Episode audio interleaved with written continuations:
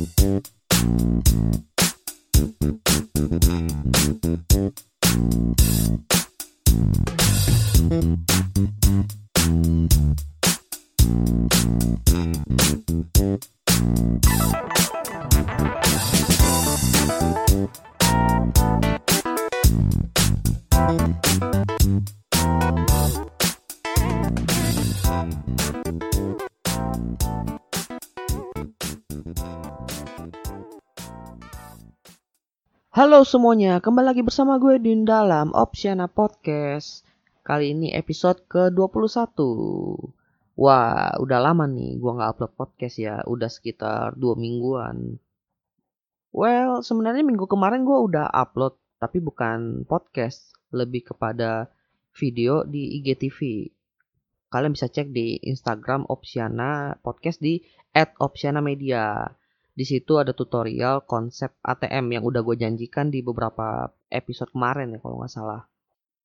Dan artinya gue sempet nggak upload podcast atau upload video itu sekitar satu minggu.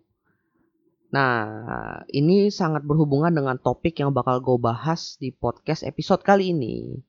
Jadi sebenarnya itu seminggu gue nggak upload uh, video, nggak upload podcast, bahkan Instagramnya gue juga update-nya jarang-jarang karena dalam jangka waktu seminggu itu gue mengalami kesibukan yang bisa dikatakan sangat menyita waktu gue, lalu membuat gue pusing juga dan membuat gue nggak fokus. Karena gue nggak fokus, akhirnya gue nggak bisa berpikir konten apa yang pengen gue bahas.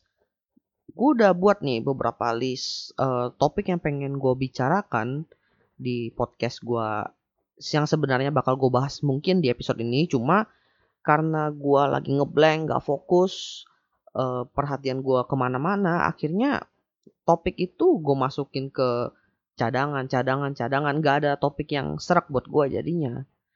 Seminggu kemudian akhirnya fokus gue mulai kembali dan gue memutuskan untuk ngebuat video tutorial itu dulu. Lalu gue upload tuh di Instagram di GTV setelah gue upload video itu akhirnya gue mulai lagi nulis materi untuk podcast episode kali ini. Dan gue mulai merenungkan apa yang terjadi seminggu itu. Kenapa gue bisa nggak fokus dan dan gue coba membandingkan dengan beberapa kejadian di masa lalu gue di mana gue itu nggak fokus ngelakuin sesuatu dan gue juga melihat dampak-dampak apa yang terjadi gara-gara gue gak fokus. Lalu setelah gue mengintrospeksi diri selama beberapa hari tentang seminggu itu dan masa lalu gue ketika gue gak fokus, gue sadar bahwa kerjaan gue selama seminggu itu gak ada yang benar. Usaha gue terlantar, kerjaan magang gue juga agak berantakan, ada yang gak dikerjain, ada yang miss, lalu tugas-tugas kuliah gue juga miss. Oh men sumpah. Gue berpikir gila separah itu banget ya kalau gue nggak fokus ngerjain sesuatu. Makanya karena gue udah tahu ya bahwa kalau gue itu nggak fokus hasilnya bakal separah itu gue mencari tahu dong apa aja sih yang membuat gue nggak fokus. Dan gue ternyata menemukan banyak hal yang membuat gue itu nggak fokus Misalnya gue itu orangnya gampang terdistraksi oleh suara yang kecil. Sekecil apa pun suara itu akan mendistraksi gue. Makanya gue kalau bikin podcast itu selalu tengah malam. Karena ya adik gue itu belajar di samping meja gue. Dan dia punya meja belajar sendiri ya. Dan dia itu kadang belajar, kadang dia main Dota. Dan lu tau lah, gue kalaupun pakai headset itu tetap terganggu loh. Apalagi kalau buat podcast itu suara dan noise-noise dari game-game gitu kan suka mengganggu juga ya. Makanya gue juga kurang suka. Lalu hal lain yang bisa mendistraksi gue adalah sebuah masalah. Jadi gue itu kalau di kampus ceritanya dikasih soal ya yang bisa dibilang cukup sulit untuk diselesaikan gue itu kadang ke bawah pikiran terus. Apalagi kalau soalnya itu dalam bentuk coding. Jadi misalnya dikasih kasusnya buatlah coding untuk melakukan ABC. Lalu yang diajarin tuh cuma sampai B. Lalu C-nya kita cari tahu sendiri. Gue tuh suka banget terdistraksi dan juga uh, deadline deadline dari tugas gue itu kan juga mepet ya. Makanya gue depresi dan gue akhirnya nggak bisa fokus ngerjainnya. Well juga bukan cuma tugas kuliah sih atau soal-soal gitu.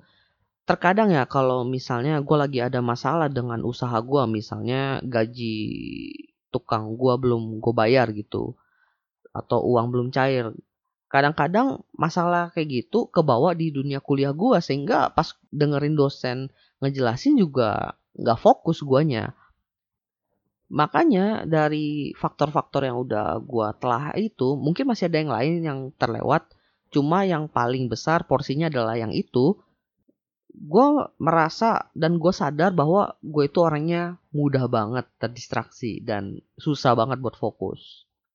Jadinya gue harus cari cara gimana agar gue bisa fokus. Makanya dalam podcast episode kali ini gue pengen membahas dan juga sharing tentang seminggu di mana gue itu gak fokus dan prosesnya gimana gue mencari solusi atas ketidakfokusan gue itu dan juga gue pengen membandingkan sih beberapa fokus seseorang yang bisa dibilang udah jadi toko terkenal lah.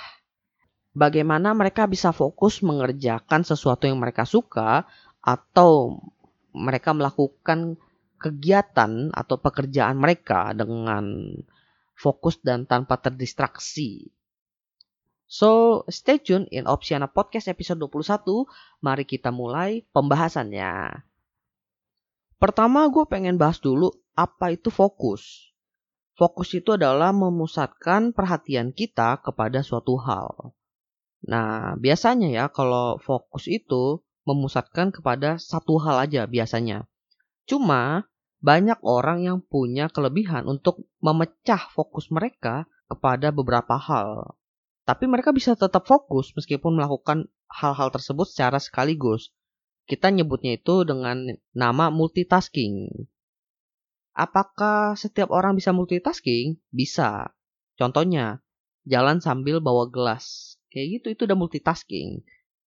Tapi masalahnya adalah akan menjadi susah ketika kita itu harus memberikan perhatian dalam jumlah besar kepada suatu hal atau beberapa hal secara sekaligus. Misalnya, ngerjain tugas sambil nonton video YouTube. Itu kan dua-duanya e, butuh perhatian yang cukup besar. Ada orang yang tidak terdistraksi, tapi banyak orang yang terdistraksi. Jadi saat ngerjain tugas tuh buka video YouTube, malah lebih fokus ke video YouTube-nya. Akhirnya tugasnya didiemin. Lalu kenapa bisa terdistraksi sih? Ya karena ya hal yang mendistraksi kita itu lebih menarik daripada yang kita lakukan. Coba lu bayangin, lu ngerjain tugas sama nonton YouTube. Enakan mana? Ya enakan nonton YouTube lah. Bisa kalian pilih tontonannya apa? Ya tugas ya itu. Dari zaman gua TK sampai gua kuliah ya kalau ngerjain tugas ya menyelesaikan masalah yang diberikan oleh pengajar membosankan aja gitu ngerjain tugas dari zaman TK sampai kuliah ya gitu-gitu aja. Kalau nonton YouTube kan kalaupun udah ada dari TK, tontonannya itu update. Karena konten kreatornya itu banyak dan juga mereka juga sering update. Jadi kontennya nggak membosankan. Itu contoh dari keseharian kita. Lalu bagaimana kalau dari dunia bisnis? kan banyak tuh eh, pengusaha-pengusaha yang punya usaha di bidang A, tiba-tiba dia punya usaha di bidang B, C, D, E. Artinya dia punya banyak banget tuh perusahaan yang bergerak di bidang yang ada yang serupa, ada bidang yang berbeda banget. Gue yakin mereka itu pasti terdistraksi dan mereka pasti pusing. Cuma mereka itu bisa mendelegasikan bisnis mereka yang udah stable atau udah jalan tuh. Tinggal ini aja ngelayanin customer karyawannya. Dia udah bisa fokus ke bisnis yang lain. Sehingga dia itu tinggal memfokuskan diri dia ke tiga perusahaan baru ketimbang dia menjalankan dua usaha lama dia dan juga membuka tiga bisnis baru. Jadi fokusnya pecah lima. Wah gila. Pusing banget sih. Dan ada beberapa kasus di mana seorang direktur dari perusahaan A misalnya, dia itu membuka perusahaan baru yaitu perusahaan B. Tapi setelah dijalani dan fokus dia terpecah di antara perusahaan A dan B, justru perusahaan B-nya itu yang bangkrut. Artinya untuk perusahaan baru itu ketika fokus lo atau perhatian lo cuma setengah juga nggak bagus.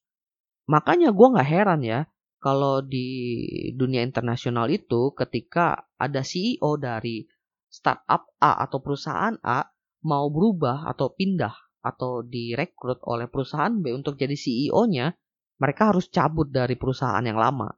Karena jatuhnya jadi nggak fokus gitu. Jangankan perusahaannya beda. Perusahaannya sama aja nih.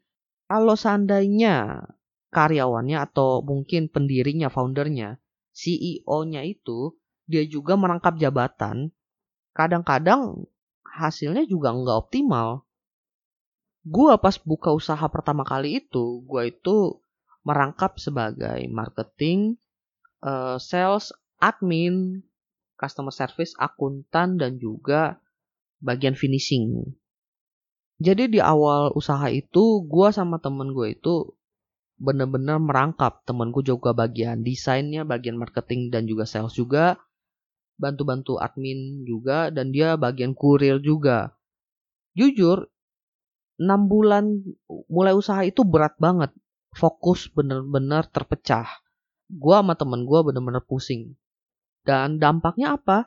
Dampaknya itu gue pernah cerita di podcast gue sebelumnya bahwa gue sampai loss satu mata kuliah. Bukan gue nggak lulus ya, cuma ilmunya gue loss dari awal sampai akhir. Buat anak IT pasti tahu yang namanya Java Programming dan yang buat bukan anak IT, gue kasih tahu Java Programming itu atau bahasa Java itu adalah bahasa pemrograman yang cukup penting untuk dipelajari oleh programmer saat ini. Dan gua miss. Dan setelah enam bulan, gua sama temen gua menjalani kerasnya awal usaha, lalu kami berdua buka workshop buat ngerjain produk sendiri, kami mulai mencoba untuk mengurangi peran kami masing-masing. Jadi gue yang dulunya bagian marketing, sales, uh, akuntan, admin, dan juga bagian finishing, gue mulai menghilangkan bagian finishingnya. Jadi finishing itu udah bukan kerjaan gue lagi. Dan rasanya men, lega banget, sumpah. Rasanya plong. Lalu buat kerjaan yang sisanya itu marketing, uh, admin, dan juga akuntan, gue bisa lebih fokus ngerjain ke sana. Akuntansi gue lebih rapi apalagi ditambah dengan bantuan tools gitu kan. Lalu teman gue juga yang dulunya itu bagian marketing uh, dia juga admin bagian uh, partnership buset partnership. Jadi dulu uh, ada kerjasama dengan apa namanya pengrajin juga dan juga dia bagian kurir. Dia mulai menghilangkan bagian bagian kurirnya dan juga bagian admin. Jadi dia sekarang itu kerjanya ya ngurusin tukang. Human resource lah bahasa kerennya. Dia juga ini sih eh, baru buka toko artinya dia juga jadi penjaga toko.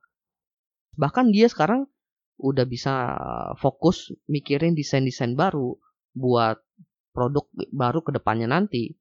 Padahal dulu dia nggak sempet banget tuh buat mikirin desain-desain baru. Dari pengalaman gue ini gue bisa bilang bahwa semakin banyak perhatian gue terpecah ke mana-mana, semakin pusing juga gue dalam menjalani hidup gue yang lain. Dan juga semakin gak maksimal juga usaha yang gue lakukan. Tapi kondisinya saat itu adalah kondisi yang bisa dikatakan gue terpaksa melakukannya karena gue nggak punya resource yang bisa membantu gue saat itu. Tapi ketika gue udah punya resource yang bisa membantu gue, akhirnya fokus gue itu yang terpecah ke mana-mana, mulai gue kurangin pecahannya, lalu porsinya gue pindahkan ke bagian yang lain. akhirnya gue bisa lebih fokus dan jujur hasilnya juga lebih memuaskan daripada yang dulu. Artinya apa? Artinya semakin sedikit pecahan perhatian kita, semakin kita fokus kepada beberapa hal aja dalam jumlah yang sedikit, hasilnya akan semakin baik. Apalagi kalau kita fokus kepada satu hal. Cuma kalau fokusnya kepada satu hal aja, gue rasa itu jenuh banget sih. Misalnya nih, lu seorang programmer kerja di kantor. Itu 8 jam lu ngoding aja Gila, itu apa lu nggak jenuh gitu? Gue pernah coba nih di tempat magang gue, kan 8 jam kerja tuh seperti orang kantoran biasa.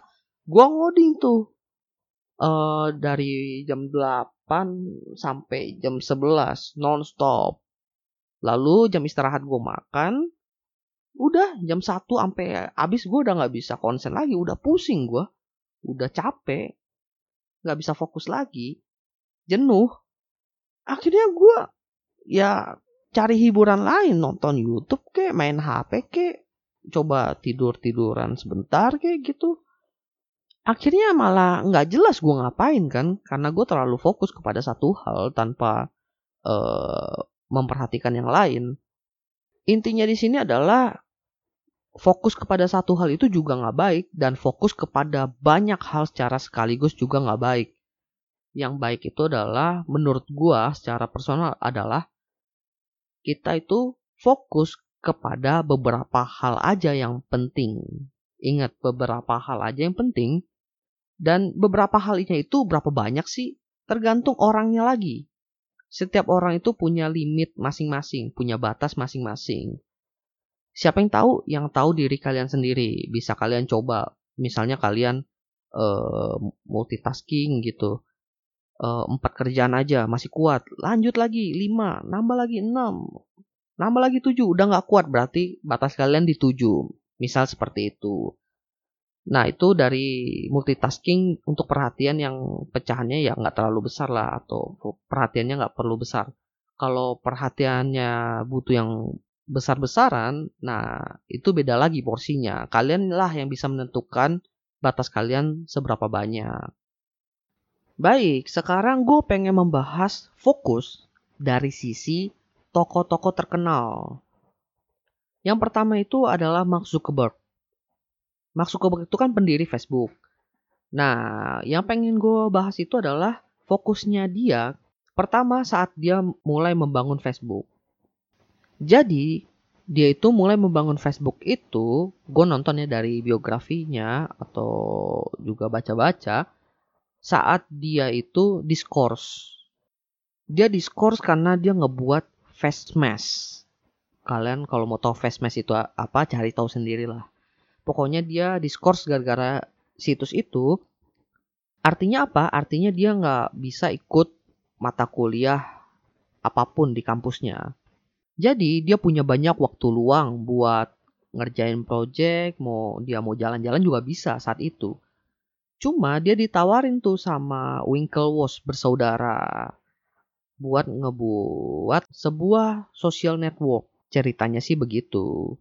Lalu dia menerima dan akhirnya dia ngebuat Facebook. Jadi selama jeda dia liburan itu, dia itu punya fokus utama yaitu ngebuat social network yaitu Facebook.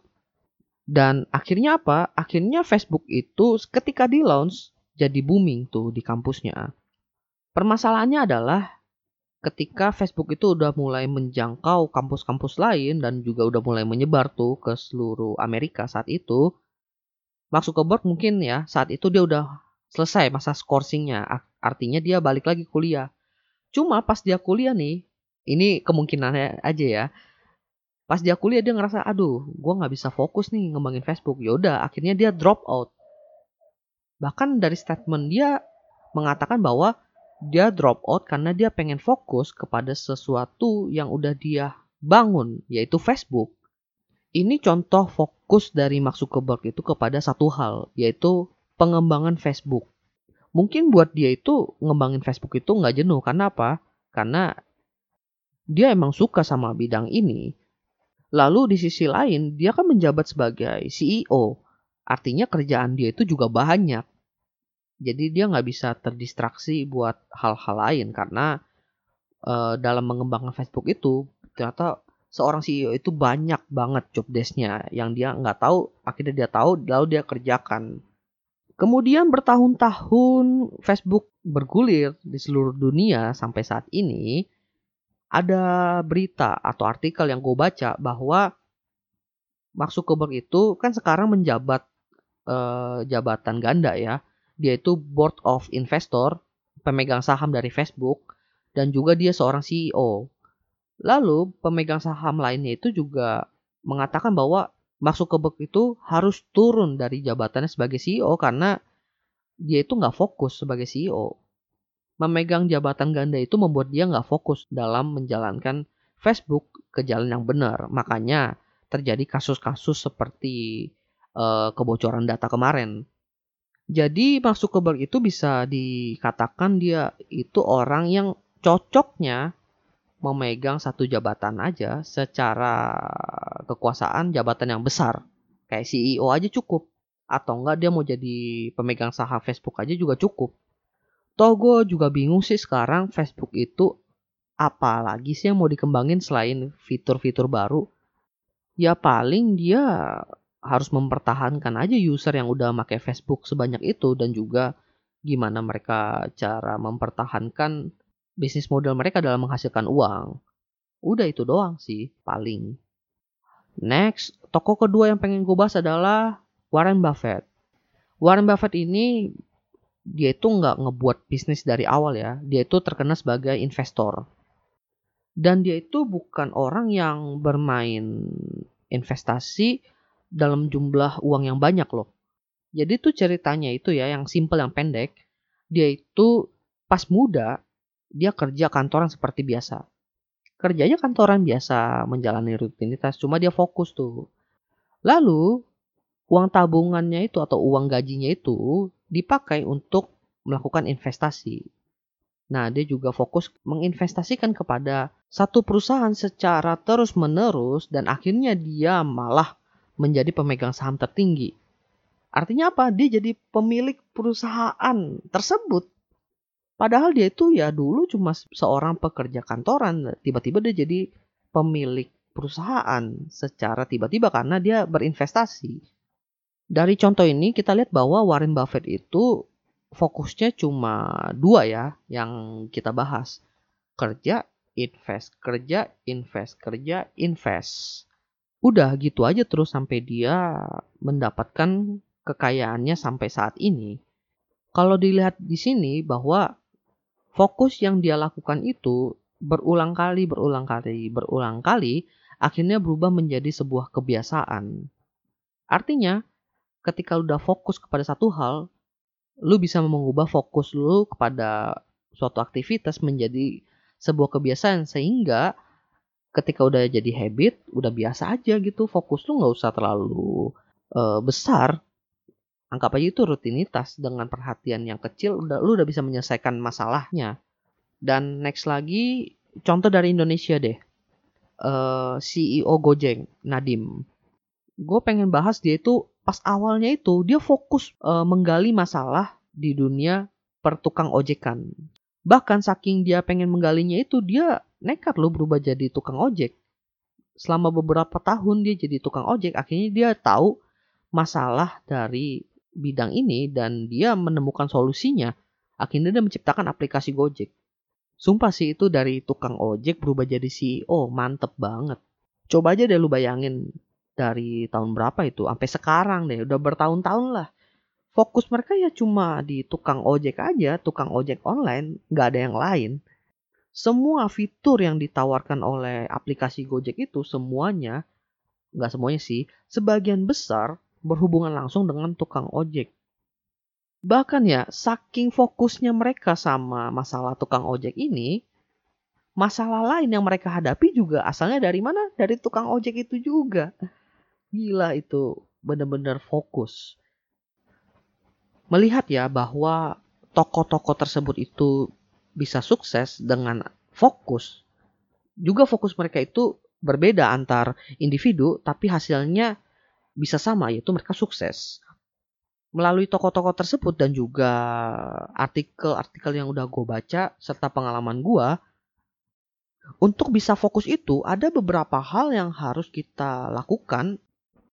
Yang pertama, jangan kebanyakan multitasking.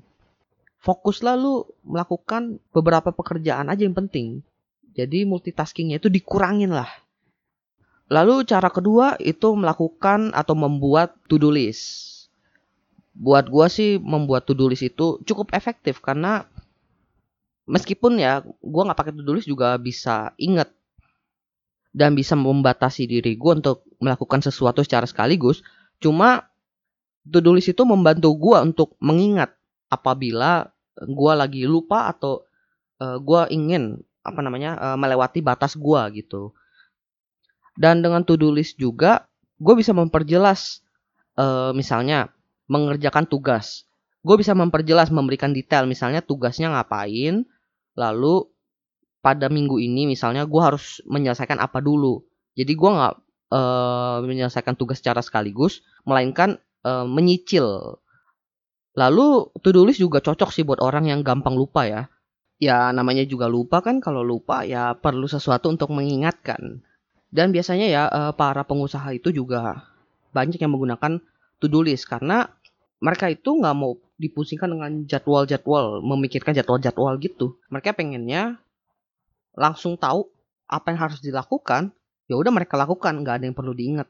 Makanya banyak pengusaha itu mereka punya sekretaris pribadi. Ya biar sekretarisnya aja yang pusing ngaturin jadwalnya, mereka mah tinggal melakukan aja. Lalu poin ketiganya adalah take a break atau istirahat sejenak. Karena ketika kita fokus ya memusatkan perhatian kita pada satu hal atau beberapa hal yang membutuhkan perhatian, artinya kita kan mencurahkan tenaga kita.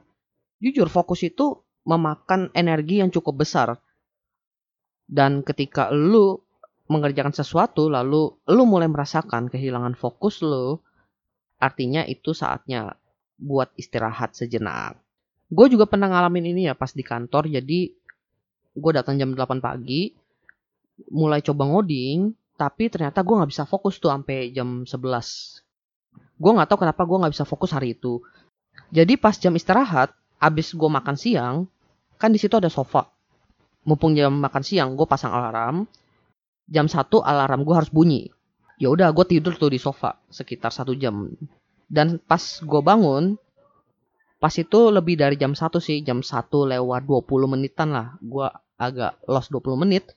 Tapi hasilnya adalah ketika gue lanjut kerja lagi gue bisa fokus dan bisa nyelesain kerjaan gue ternyata yang gue butuhkan itu perlu sedikit istirahat. Terkadang pagi-pagi juga bukan waktu yang prima buat gue lalu contoh lainnya adalah Steve Jobs. Nah Steve Jobs itu kan kalian pasti tahu dia pernah dikeluarkan dari Apple.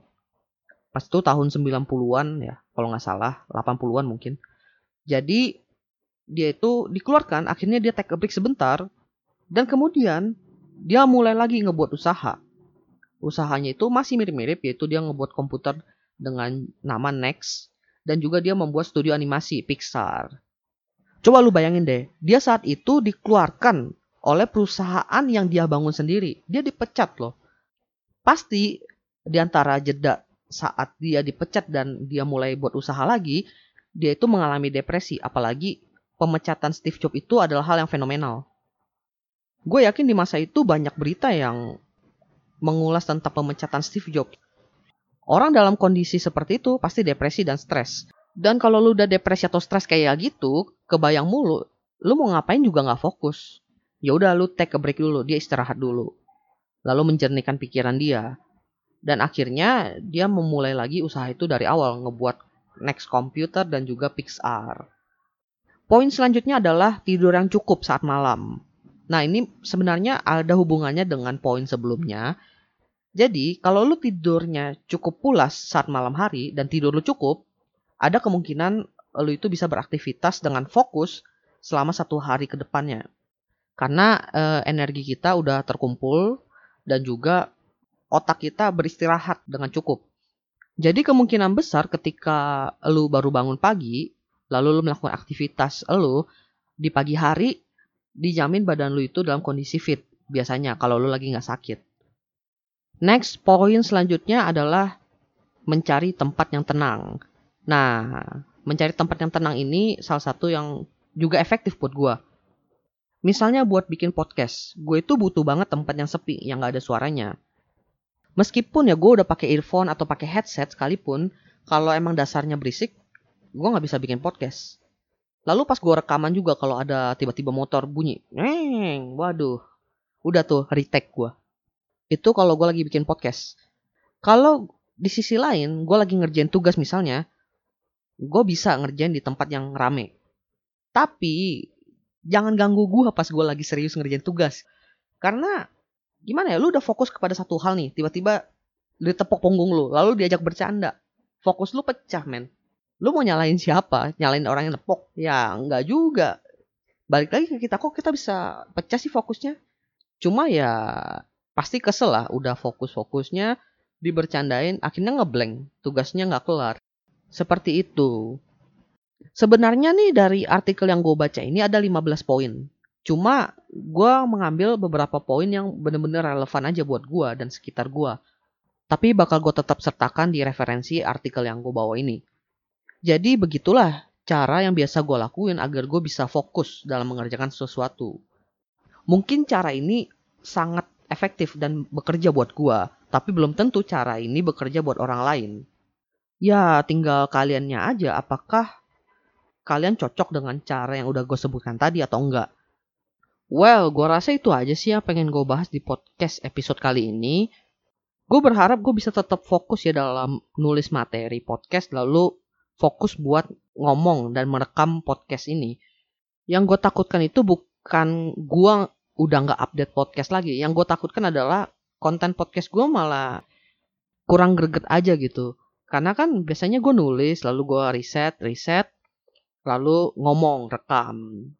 Tapi gara-gara gue belakangan gak fokus, gue jadinya cuma nulis poin-poin, risetnya dikit banget, lalu pas gue ngomong terbata-bata, gue nya males jadinya. Makanya banyak banget tuh materi yang gue masukin ke cadangan. Karena gue merasa gue belum siap buat nyampein topik itu, karena kurang banget risetnya. Gue rasa itu aja sih. Uh, Oke, okay. jadi opsi ada di tangan kalian.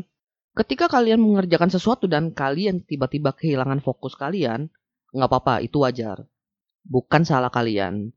Tapi, ketika fokus kalian udah hilang dan kalian tidak berusaha untuk mengembalikannya, barulah itu salah kalian. Sekian dari gua Edwin, Opsiana Podcast. Thank you.